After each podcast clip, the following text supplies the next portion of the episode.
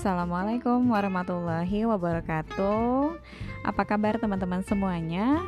Ketemu lagi sama Haja di podcast Mengikat Makna Ya kalau dilihat-lihat sih udah lama banget ya Haja nggak ngeposting podcast di sini. Sebenarnya alasannya teknis sih, kayak handphonenya kepenuhan gitu aplikasinya. Tapi by the way, alhamdulillah sekarang udah bisa lagi, jadi ya kita manfaatin aja. Um, intinya sih di sini aja mau cerita tentang awal mula aja terjun di dunia jualan ya. Kalau boleh di, diinget-inget nih sama Haja, uh, Haja tuh udah jualan dari sekitar tahun 2015. Ya saat itu Haja masih hamil ya, baru nikah banget, terus alhamdulillah sudah dikasih amanah sama Allah gitu ya, hamil. Dan saat itu Haja itu masih jualan dropshipan gitu. Sempat nyetok sih produk fashion gitu. Tapi karena variannya banyak akhirnya dropship. Dan itu saat itu sih cukup nyaman ya tanpa harus ribet packing ribet macam-macam alhamdulillah bisa menghasilkan gitu nah uh, tapi akhirnya mulai kerasa gitu ya bahwa saya tuh mau supaya bisa ngefasilitasin anak dengan buku-buku, dengan mainan gitu ya, perintilan-perintilan buat anak lah gitu. Akhirnya dari situ saya mulai jualan buku-buku anak dari berbagai penerbit ya, dari mulai yang um, satuan gitu ya belinya, dari yang mulai dropshipan juga gitu, sampai akhirnya bertahap jadi agen agen tersendiri gitu. Ya kalau level agen sih sebenarnya 20 pun udah bisa beli ya udah bisa jadi agen gitu. Tapi ya saat itu bisa sampai 100 piece ah, bahkan 200 piece gitu ya per buku yang dipesan. Saat itu sih aja banyak juga reseller. Jadi dari mulai jualan itu banyak yang nanyain teh aja bisa nggak jualan? gitu ya. Teh aja bisa nggak ikutan jualan? gitu. Saya bilang bisa aja ayo bareng gitu. Karena saya saat itu senang banget. Saya nge-share buku yang isinya bagus terus buat ngasih tahu ke orang banyak kalau nih nih ada buku bagus nih gitu ya. Sesimpel itu. Apalagi ada yang jual gitu kan. Dari situ kan orang bisa dapat penghasilan gitu ya seenggaknya aja cuma jadi keran rezeki lah gitu. Sesimpel itu. Nah lama-lama saya kenal sama produk-produk tiga raksa. Awalnya sih karena dulu tuh uh, lihat postingan aja sih ya postingan waktu itu postingannya Teh Ririn. Saya penasaran apa sih Hafiz Doll gitu ya. Hafiz Doll itu apa gitu? Saya penasaran akhirnya saya mengajukan diri jadi reseller. Tapi karena saat itu saya ngerasa udah nyaman ya jualan dropshipan gitu. Walaupun sebenarnya sebulannya mungkin nggak sampai sejuta gitu. Dan kalau udah dapet itu tuh kayak ya habis aja. Maksudnya habis di sini memang untuk keperluan ya. Misalnya kita nyicil-nyicil lah beli lemari kecil gitu ya. Atau beli apalah gitu keperluan kita. Nah tapi di situ belum terbuka gitu. Saya masih ngerasa duh produk tiga rasa tuh kayaknya mahal deh apa sih kok buku doang? Mahal banget gitu ya. Sampai itu saya uh, dari reseller saya langsung gabung jadi EPC dan itu pun nggak sadar betul sebenarnya EPC itu apa harus gimana gitu ya. Tapi saat itu kurang lebih sekitar tang sekitar tanggal 26 April ya kalau nggak salah. 26 April tahun 2016 itu awal mulanya saya jadi EPC tapi setelah itu saya nggak jualan jadi paling sebulan tuh hanya jual satu Hafiz Dol, dua Hafiz Dol gitu ya. Tapi saya selalu ikut kalau ada bedah buku di kantor saya ikut. Kalau ada open table gitu ya, jualan di bazar gitu saya selalu ikut. Kenapa? Karena saya sebenarnya suka sama buku-bukunya, tapi saya cuman gak yakin aja sama harganya. Saya ngerasa saya nggak punya cukup uang gitu ya untuk membeli buku itu. Nah, di tahun 2017 akhir akhirnya saya cuma diajak ngobrol sih sama Teh Ririn. Jah, ayo dong seriusin. Sayang katanya. Oh gitu ya Teh. Itu bener-bener kayak nggak tahu arah aja gitu ya. saat itu saya udah masih jualan juga ya masih jualan buku masih punya reseller juga di bawah saya akhirnya oke okay deh cobain fokus jadi EPC tiga raksa di bulan pertama sampai bulan ketiga alhamdulillahnya saya bisa qualified. Itu bisa dibilang kacau sih. Nggak ngerti ya qualified itu apa sih? Terus targetnya berapa gitu ya. Sempet kayak aduh teh aku nggak bisa mencapai target itu. Terus gimana dong nggak qualified gitu. Padahal syaratnya itu saya nggak tahu gitu ya. Cuman panik aja. Akhirnya akhir bulan Januari itu saya ngetok-ngetokin tetangga. Tetangga rumah mertua sini. Saya ketok-ketokin saya presentasi. Itu senjata terakhir banget karena saya ngerasa saat itu belum jagoan online. Jadi saya cuma bisa presentasi produk yang saya pahami yang menurut saya bagus dan saya jualan itu gitu. Dan akhirnya alhamdulillah closing. Saat itu sih closing WWP sama Smart Hafiz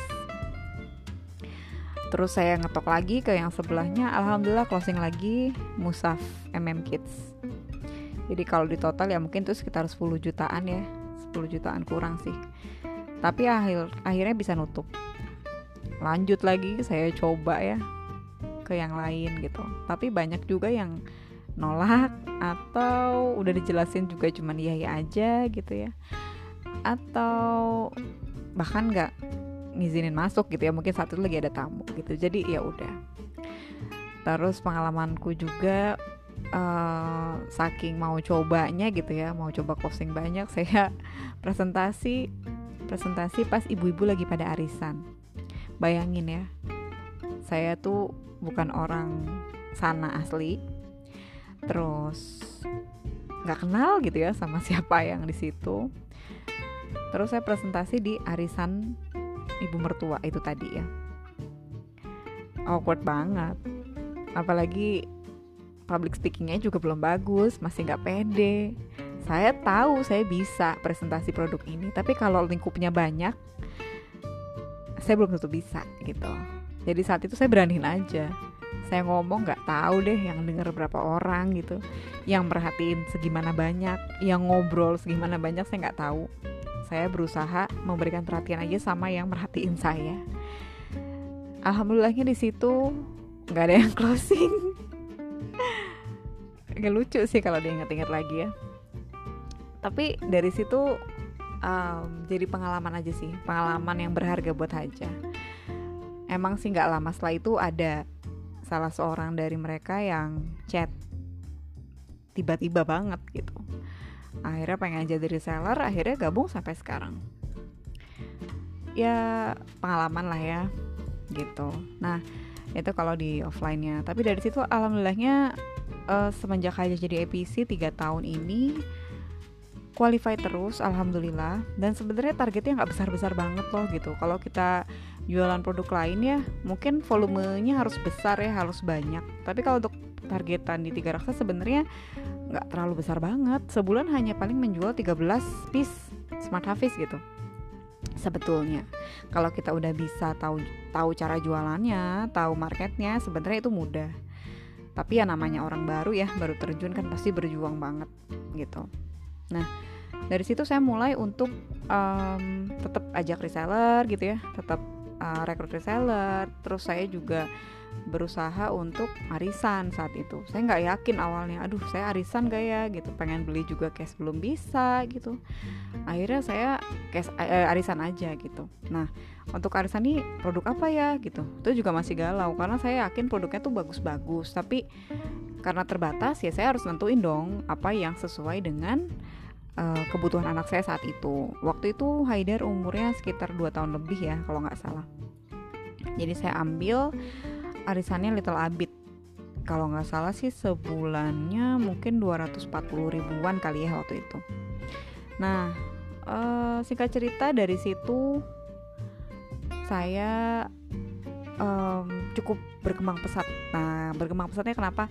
Buat saya pribadi itu pesat karena uh, saya senang banget sharingnya gitu. Jadi buku-buku Little Abit itu itu pas banget deh buat anak balita tuh ya lucu banget gitu ya. Kalau sampai sekarang saya tuh masih ngerasa kangen gitu. Aduh anakku udah lima tahun ya udah nggak lucu gitu ya. Lucunya udah beda gitu lucunya udah beda banget sama zaman dia umur dua setengah tahunan gitu kan.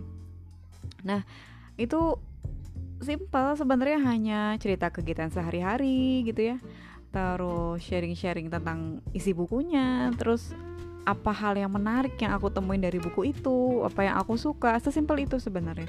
Tapi di situ banyak banget yang uh, ternyata jadi kepo gitu. Dan akhirnya mulailah customer customer ya yang arisan gitu yang cash. Dan itu kayak ya aku sendiri ngerasa itu sudah jadi salah satu prestasi aku bahwa ya aku bisa meruntuhkan stigma diri itu produknya mahal.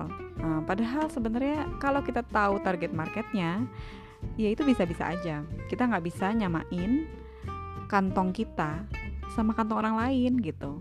Karena itu hal yang berbeda. Bagi kita mungkin kita nggak mampu tapi banyak banget orang lain yang mampu gitu ya. Ya kayak gitu sih singkat cerita. Sampai akhirnya um, mulailah gitu ya.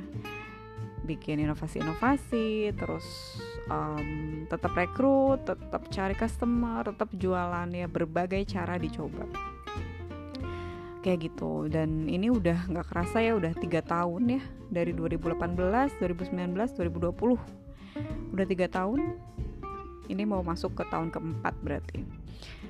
Tahun pertama prestasi apa sih yang didapat tahun pertama saya masih berjuang untuk bisa uh, qualify terus gitu ya. Saat tahun pertama itu alhamdulillahnya saya bisa mencapai namanya annual conference atau grand night. Jadi grand night itu kalau di tiga satu momen penting banget.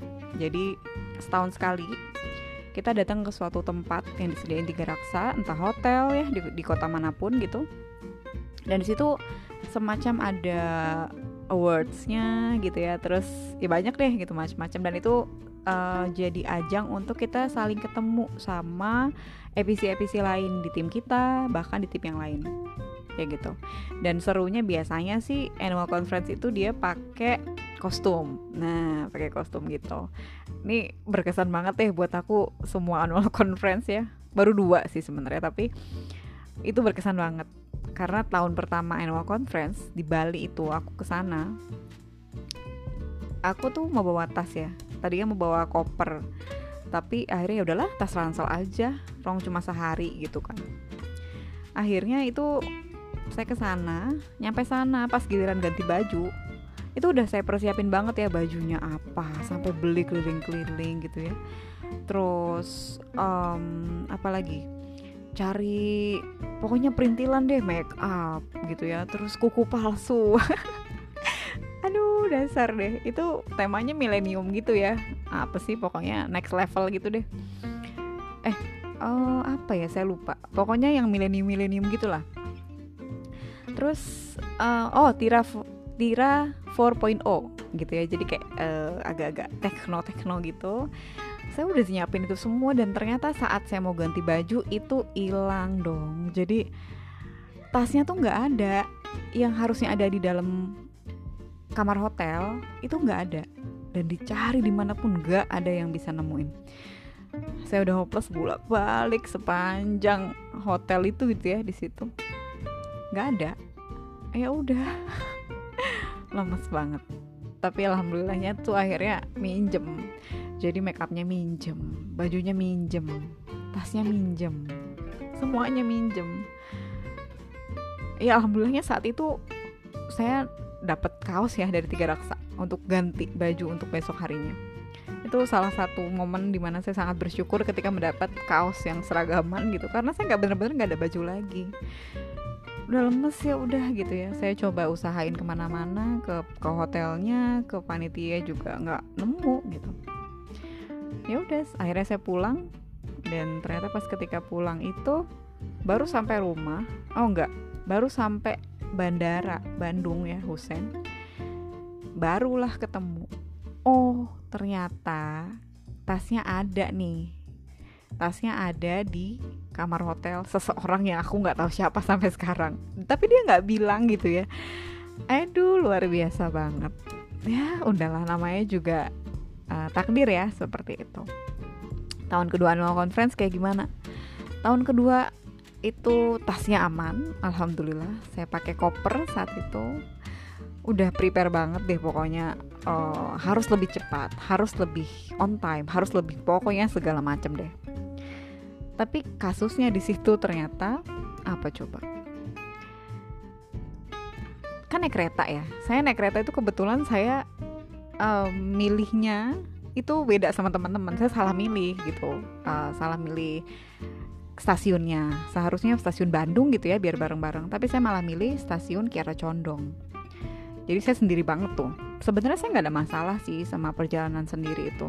Tapi yang bikin lucu adalah ketika saya mau sampai di stasiun Kiara Condong dan saya udah tahu itu stasiun Kiara Condong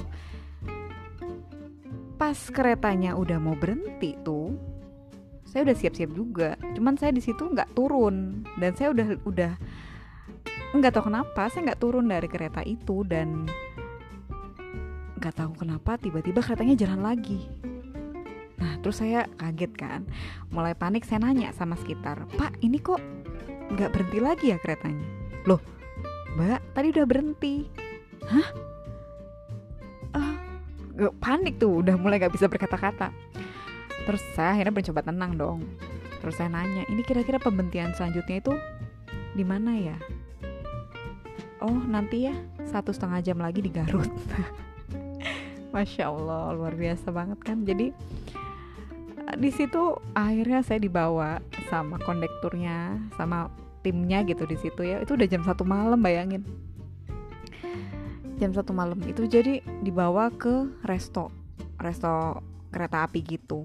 Di situ saya nangis gak bisa nahan.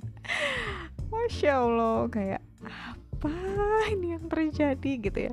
Dia pada nanya gitu kenapa bu nggak turun tadi? Gitu. Aku nggak tahu pak aku juga bingung gitu. Karena sebenarnya aku mikirnya adalah kereta ini cuma berhenti bentar habis itu ke depan dikit terus dia akan berhenti yang lama gitu loh. Tapi ternyata enggak itu udah pemberhentiannya dan harusnya saya turun saat itu. Ya udah akhirnya suami uh, akhirnya nge-WhatsApp juga kan kok nggak turun? Kok lama banget? gitu. Akhirnya ya udah cuma bisa pasrah aja nyeritain sebisanya gitu ya. Akhirnya ya udah sampailah saya di stasiun berikutnya itu.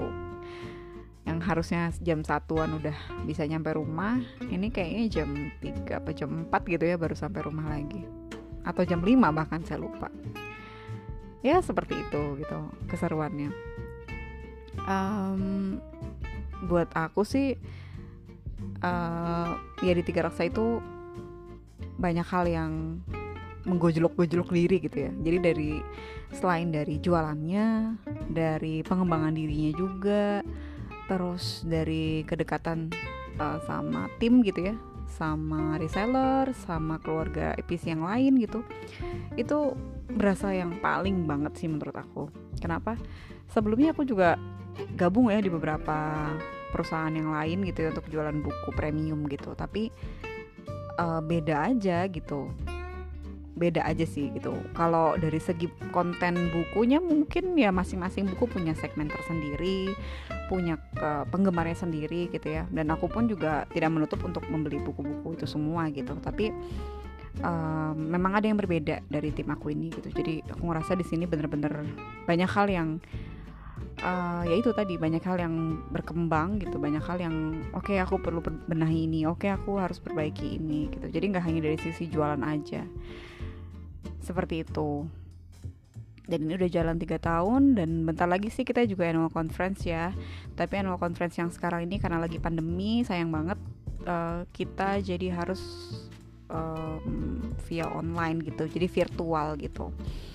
Tanggal 20 nanti. Ya mudah-mudahan tetap seru ya walaupun pasti beda banget karena cuma tiga jam sih seingatku nanti. Tapi ya mudah-mudahan uh, bisa jadi kenangan juga ya yang bermakna untuk uh, di masa depan kayak gitu. Jadi buat teman-teman yang sekarang lagi berjuang eh, gali-gali uh, lagi gitu ya apa yang jadi hobi teman-teman kesukaan teman-teman dan tujuan teman-teman apakah selaras ada di sini atau enggak. Dan kalau ada di sini selaras maksimalin. Jangan sampai kita baru nyoba sedikit tapi udah nyerah gitu. Buat aku juga nggak mudah kok untuk mencapai itu. Banyak tangis banyak stres banyak apa wajar ya namanya juga kita uh, membangun bisnis sendiri. Tapi dari situ insya Allah banyak hal yang bisa kita dapetin.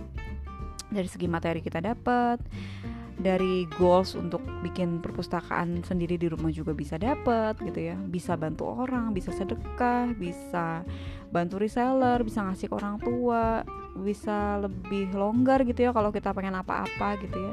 Alhamdulillah gitu.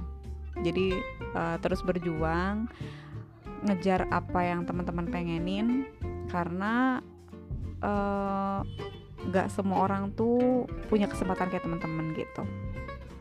Ya jadi semangat uh, mudah-mudahan bermanfaat ya sharingnya. Hajah udahin dulu aja semoga teman-teman di sini mendapatkan manfaat yang berkah yang berlimpah ya. Bisa kuat keluarga kuat finansial gitu.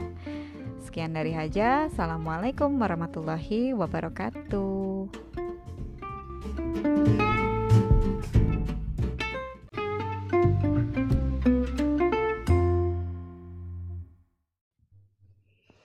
Halo semua, Assalamualaikum Kembali lagi sama Haja di podcast Mengikat Makna. Malam ini jam menunjukkan pukul setengah dua. Ya, setengah dua pagi deng. Uh, Apa yang mau Haja ceritain kali ini adalah Tentang Kenapa Haja masih ada di Tiga Raksa kalau boleh jujur tiga tahun di tiga raksa ini buat aja sesuatu yang uh, luar biasa ya. Jadi awal mulanya hanya ingin punya buku. Hanya ingin punya buku untuk anak. Caranya gimana? Ya jualan gitu ya. Awalnya sama sekali nggak kepikiran gitu ya. Bahkan nggak percaya kok ada gitu ya orang mau beli buku harganya juta-jutaan gitu. Masih nggak percaya awalnya tapi ya sesuatu yang bagi kita jauh dan tinggi ketika kita mau menapaki sedikit demi sedikit gitu ya itu lama-lama nggak kerasa ya. Itu yang Haja rasain. Jadi dari tiga tahun ini kalau boleh uh, dihitung ya uh, berapa ya? Jadi misalnya awal mula Haja arisan dulu ya arisan Little Abid terus CPD Little Abid anggaplah waktu dulu tuh 2,4 CPD mungkin sekitar 2,2 jutaan lah ya. Terus WWP WWP itu sekitar 4 juta. Terus LMA LMA itu 6 juta. Habis itu CFV Child First eh, Library of Value itu di 6 juta juga. Kalau yang time belum punya sih terus Muhammad Ismail Hero. Itu di 2,8 waktu itu ya. Terus Smart Hafiz. Smart Hafiz sekarang aja bahkan ada tiga ya. Smart Hafiz versi 1 versi 4 sama versi 5 itu mungkin kalau di total 1,7 terus 2, satu terus 2,6 udah gitu jam Ka'bah itu 1, berapa? 1,4 apa ya? Udah gitu kamera itu 900 ribuan misalnya. Terus apa lagi? Smart resa 1,8 terus bunda ajarkan aku ibadah itu 1 juta. Terus uh, selain buku-buku tiga raksa ya Haja juga ngeceng kan buku-buku yang lain tuh buku-buku siroh misalnya. Itu di 3, sekian 3,8 waktu itu kalau nggak salah. Terus ada lagi yang sekitar 1,5an cash ada lagi yang sekitar 1,7 ya.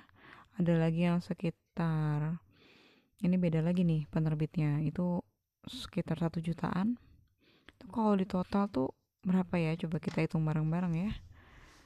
Tuh 2, 3, 4 8, 12 13 14 15 16 17 18 19 20 21 22 23 24 25 26 27 28 29 itu hampir 30 juta lebih ya.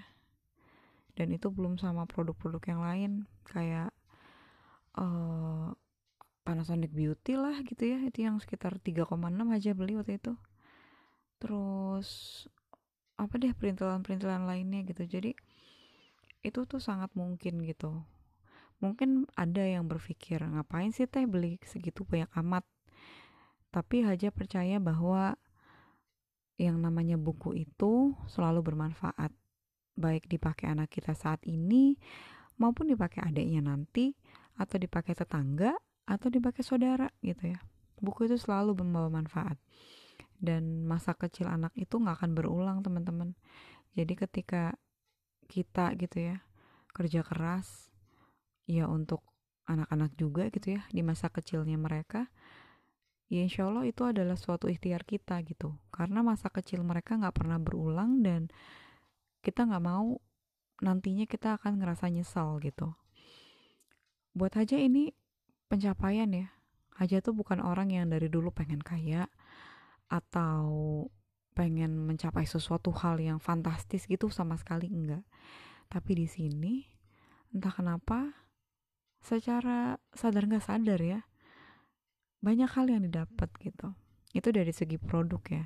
Kalau teman-teman nggak percaya bahwa bisa dapat banyak produk edukasi tiga raksa itu dengan komisi itu aku udah buktiin gitu. Syaratnya apa ya mau menapaki setiap tahapannya gitu. Ya intinya apa sih? Ya jualan kan. Dari situ kita juga punya celah gitu. Sebagai penjual kita tahu saat kapan yang bagus kita ambil promonya misalnya gitu ya. Ya sesederhana itulah gitu. Kalau kita benar-benar fokus kita akan tahu bagaimana seluk beluk detailnya gitu ya. Bisnis ini seperti apa. Kayak gitu. Nah dari segi reward gitu ya alhamdulillah gitu dari tiga tahun ini tuh selalu ada peningkatan. Tahun pertama berhasil uh, achieve annual conference-nya.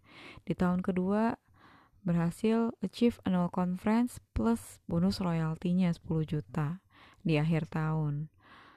Udah gitu di tahun ketiga ini kemarin gitu ya annual conference dapat bonus loyalty 10 juta juga dapat. Udah gitu dapat trip ya short trip aja kemarin dapatnya ke Labuan Bajo. Itu anggaplah 7 jutaan lah 7,8 7,5 gitu.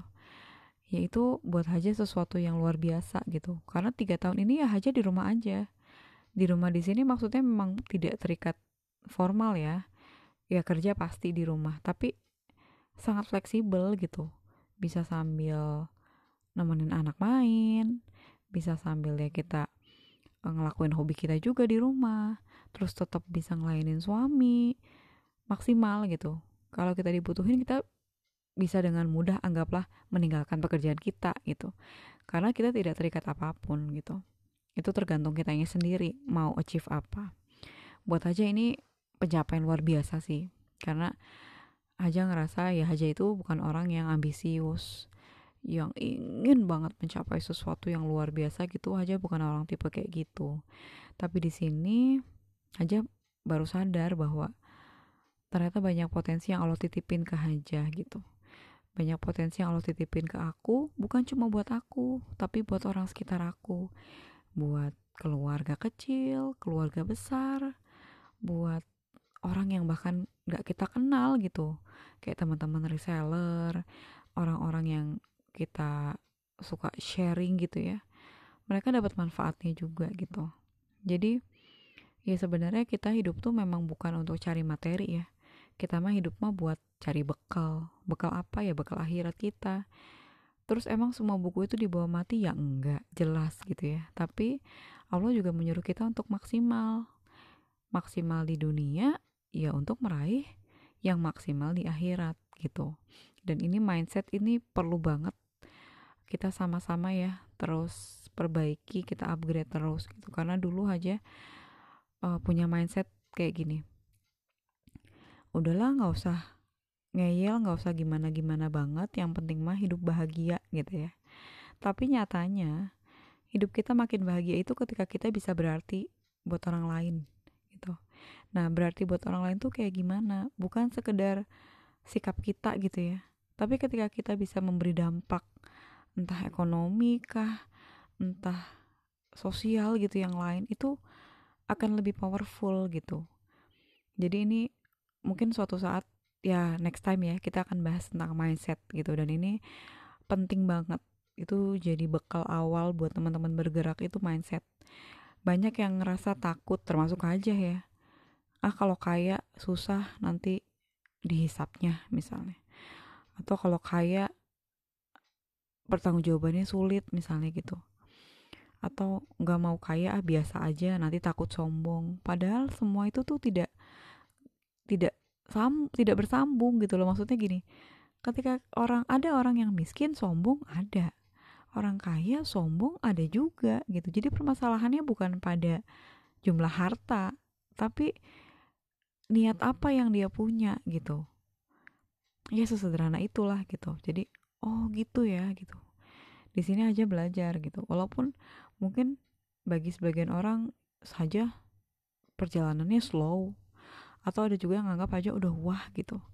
Tapi percaya gitu tiap orang itu punya waktunya masing-masing punya jalannya masing-masing gitu. Um, ya masing-masing punya impian yang dikejar gitu ya. Seperti Haja nih.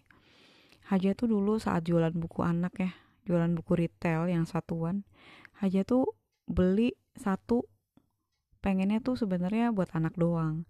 Tapi karena pengennya dapat gratis lah gitu ya jadi belinya banyak terus dijual. Tapi satu sisi pengennya untung tetap aja selalu ada beberapa buku yang selalu aja kasihin ke orang lain dan sama sekali nggak ada beban gitu. Ya mungkin karena tipe haja itu bukan tipe orang yang hitung-hitungan banget ya kayak ya udah cukup. Nggak hitung-hitungan banget gitu ya. Mungkin secara kekurangannya aja di situ. Tapi sekarang kalau dulu mungkin oke okay, satu dua dari misalnya dari 25 paket buku gitu ya aja ngasih ke orang satu dua tiga piece misalnya. Nah kalau sekarang karena udah terbiasa jual buku yang juta-jutaan dan udah ngerasa ya Allah tuh baik banget udah nitipin rezeki lewat tiga raksa gitu ya sekarang tuh kayak stok barang yang dulu yang masih ada yang bagus-bagus yang aku beli juga bukan ecek-ecek ya bukunya bagus-bagus gitu. Itu tuh kayak ngalir aja gitu mau ngasih ke orang tuh uh, apa ya ya udah kayak lebih ringan gitu loh. Ya karena kita udah ada di posisi yang beda dari sebelumnya gitu dan aku tuh berharap teman-teman juga bisa ngerasain hal itu uh, bukan berarti aja di sini udah kaya raya gitu ya udah bagaimana gitu enggak gitu tapi ya kayak itu kan ketika kita merasa tenang, kita juga bisa berbuat kebaikan gitu ya. Kita juga tidak merasa dikejar-kejar gitu kan. Ya seperti itu gitu. Haja pengen lebih banyak lagi orang-orang yang merasakan hal itu. Haja sebagai APC mungkin punya reseller 150-an misalnya. Dan dari situ Haja berharap teman-teman juga akan bisa mengajak teman-teman yang lain bahkan mungkin lebih banyak dan memberikan efek yang lebih besar gitu. Percaya nggak percaya, dulu RK Tim itu hanya sedikit. Awalnya dari seorang Teh Ririn aja gitu. Kemudian bertambah tiga orang, bertambah berapa orang, sampai akhirnya sekarang sudah sangat besar timnya gitu. Jadi memang sunatullah gitu ketika kita fokus, ketika kita mau usaha, ketika kita ikhtiar, ya Allah yang akan kasih hasilnya gitu. Kayak gitu teman-teman. Jadi uh, semangat terus kejar apa yang teman-teman inginkan. Yakinkan bahwa itu memang yang teman-teman mau gitu. Bukan karena ikut-ikutan bukan karena disuruh orang bukan karena mupeng gitu ya. Tapi pastikan bahwa itu adalah yang teman-teman emang mau gitu. Dan yakin gitu kalau Allah itu maha kaya. Jadi nggak ada produk yang mahal karena setiap produk itu ada jodohnya jangan samakan produk mahal itu dengan kantong kita gitu. Ketika kita nggak bisa beli bukan berarti produk itu nggak ada yang beli. Justru sangat banyak orang yang mencari produk itu gitu. Ya udah bisa dibuktiin lah gitu ya. Sekarang uh, ya makin banyak gitu orang yang mencari buku-buku tiga raksa produk-produk tiga raksa dan selalu laris alhamdulillah. Ya karena memang ada jodohnya gitu jadi tetap semangat ya teman-teman. Mudah-mudahan sharing aja pagi-pagi ini ada manfaatnya buat teman-teman semua.